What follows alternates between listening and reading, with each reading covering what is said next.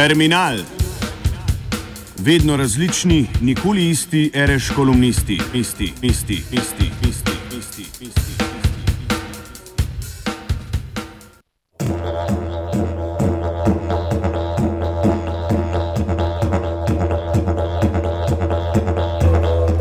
Svaruni nas pratljajo.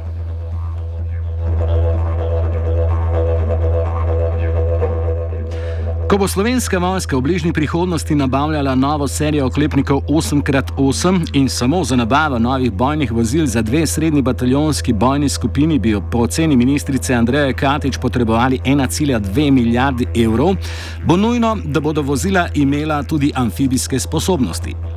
Le tako bo namreč tudi Slovenija, ki jo že od leta 2004 velikodušno ščitita ZDA in NATO, svoji zaščitnici vrnila svoj dolg, ko se bo začela vojna s Kitajsko v Južno-Kitajskem morju. Pretiravam? Morda res. Da bi slovenske oklepnike pošiljali na drugi konec sveta, tega verjetno res ni mogoče pričakovati. Da pa bi se Slovenija kot del Severnoatlantskega zavezništva lahko nepričakovano znašla sredi kakšnega res nevarnega konflikta, tega pa seveda ni mogoče izključiti. Kitajska in Rusija vse bolj nastopata kot zaveznici in Rusija je seveda bila in ostaja evropska sila. Še več. Verjetno zakaj takega je prav v času Trumpove vladavine bistveno večja kot doslej. Ne le, da si je ameriški predsednik Kitajsko izbral za svojo najpomembnejšo zunanjo politično tarčo. Tudi izjave njegovega zunanjo političnega svetovalca Steva Bannona jasno kažejo, da se ZDA precej resno pripravljajo na takšen možen scenarij.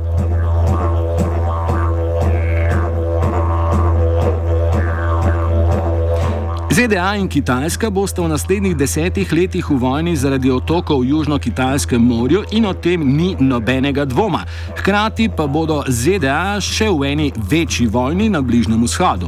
To je mnenje, ki ga je pred devetimi meseci povedal Steve Bannon, tedaj voditelj spletne strani Breitbart, danes pa glavni strateg Bele hiše, ki je bil strani Donalda Trumpa tudi imenovan v svet za nacionalno varnost. Istočasno smo morda tudi za korak bliže nevarnemu spopadu ZDA z Iranom, zaradi česar naj bi se po oceni nekaterih analitikov Donald Trump v zadnjem letu tudi tako dobrikal ruskemu predsedniku Vladimirju Putinu. Trumpova politika je v tem pogledu jasna, čeprav prozorna. Omajati zavezništvo med Kitajsko, Rusijo in Iranom in tako doseči, da bi imela v morebitnem spopadu za nadzor strateških področji v jugovzhodni Aziji prednost koalicija na čelu z ZDA.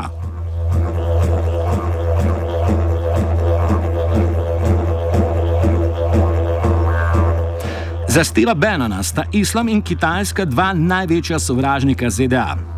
In da ima velik vpliv na politiko Donalda Trumpa, kaže tudi dejstvo, da je Trump izdal že drugi ukaz, s katerim je poskusil državljanom sedmih oziroma šestih držav z Bližnjega vzhoda prepovedati vstop v ZDA. Kar se mu zaradi nasprotovanja dveh zvezdnih sodnikov za zdaj sicer ni posrečilo.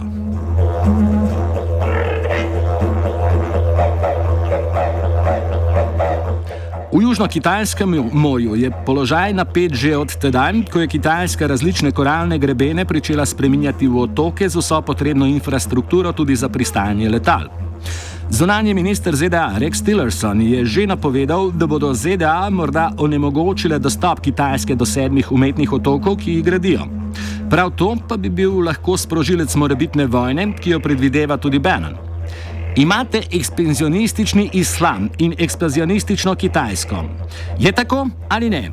Imajo motive, so arogantni, so na pohodu in mislijo si, da se židovsko-krščanski zahod umika.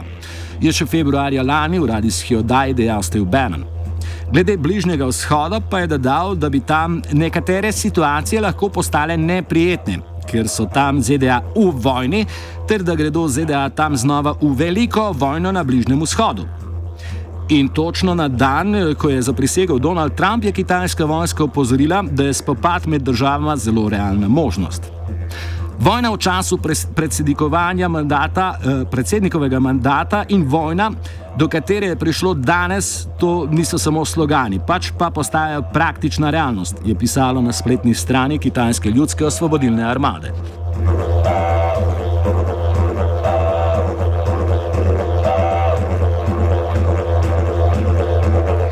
Položaj komentatorja seveda ni enak položaju člana sveta za nacionalno varnost. In Steve Bannon bi lahko vrhovnemu poveljniku ZDA morda svetoval tudi drugače kot tedaj, ko je bil samo komentator.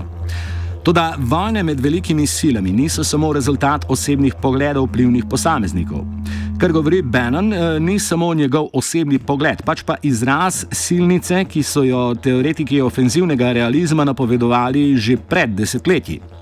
Logika te želje po prevladi v anarhičnem svetu je zelo preprosta. Vse velike sile hočejo postati ali ostati hegemoni in vse sklepajo zavezništva z manjšimi državami, ki so na pragu drugih velikih držav, ter si e, s povzročanjem težav na nasprotnikovih dvoriščih poskušajo utrditi lastno prevlado.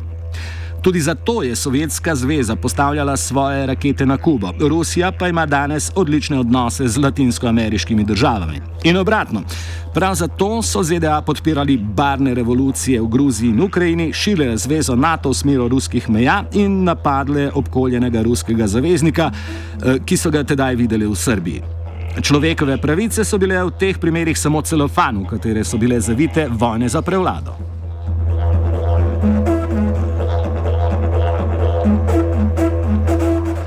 Velja pa tudi obratno. Države, ki ima tako kot Poljska ali Baltske države skupne meje z veliko silo, kot je naprimer Rusija, bodo že zaradi ohranitve lastne suverenosti najverjetneje iskale bolj oddaljene zaveznike. V tem primeru seveda ZDA, ki so dovolj oddaljene, da za te države ne predstavljajo resne nevarnosti. Enako ravnanje lahko opazujemo tudi v Južni Aziji, kjer Vietnam, Filipini, Južna Koreja, Indonezija, Tajvan in Avstralija v ZDA vidijo predvsem zaveznika pri njihovem geopolitičnem spopadu s Kitajsko za razmejitev akvatorija v Južno-Kitajskem morju.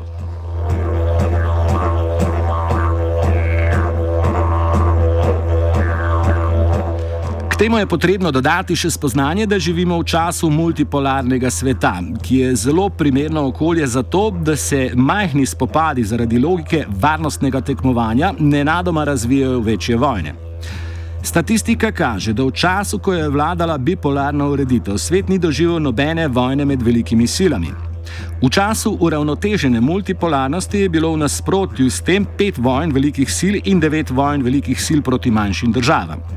V času neuravnotežene multipolarnosti med leti 1793 in 1815, med leti 1903 in 1918 eh, ter med leti 1939 in 1945 pa smo imeli kar tri velike vojne med velikimi silami, od tega dve svetovni, eno vojno dveh velikih sil in pet vojn velikih sil in manjših držav. V času bipolarnosti je bilo zato 10 tisoč žrtev vojne, v času ravnotežene multipolarnosti milijon in 200 tisoč, v času neuravnotežene multipolarnosti pa 27 milijonov žrtev. Govorimo seveda samo o vojaških žrtvah, skupaj s civilisti so številke še bistveno večje.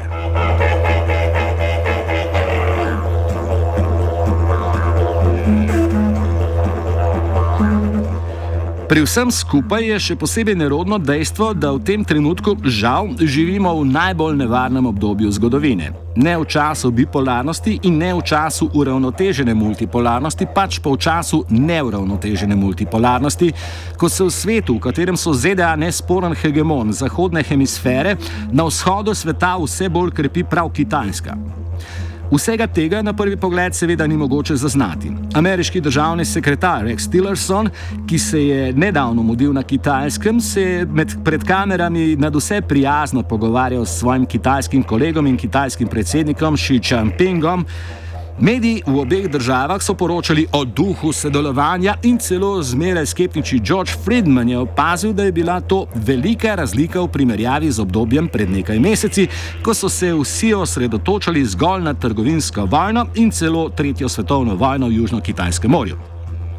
Vendar je tudi Friedman opozoril, da bodo ne glede na tople besede obeh voditeljev bistvene točke razhajanja med ZDA in Kitajsko še naprej obremenjevale njune odnose.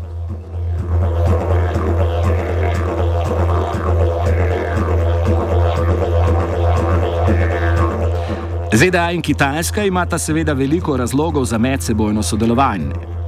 Vojni spopad tudi v neuravnoteženem multipolarnem svetu ni nujen.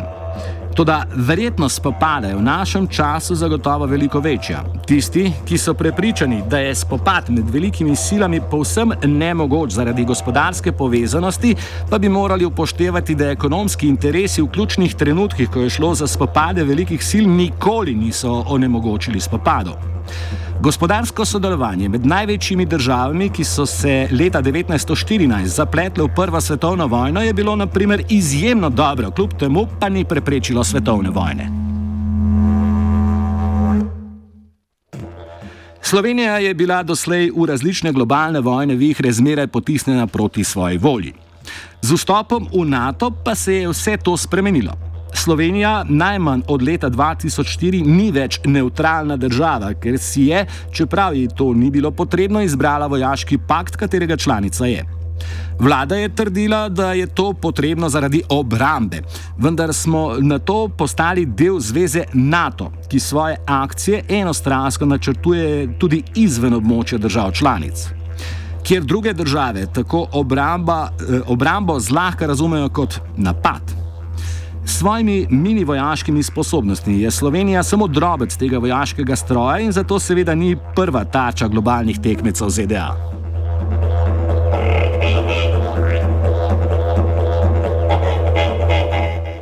Toda ni dvoma, da nam bo tudi v tej vlogi lepega dne izstavljen visok račun za plačilo naše, na prvi pogled, poceni varnosti.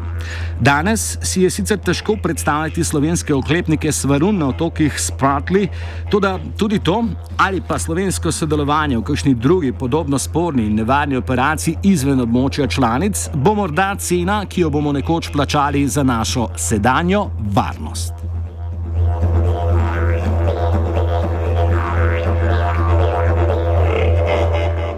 Terminal je pripravil Igor Mekina.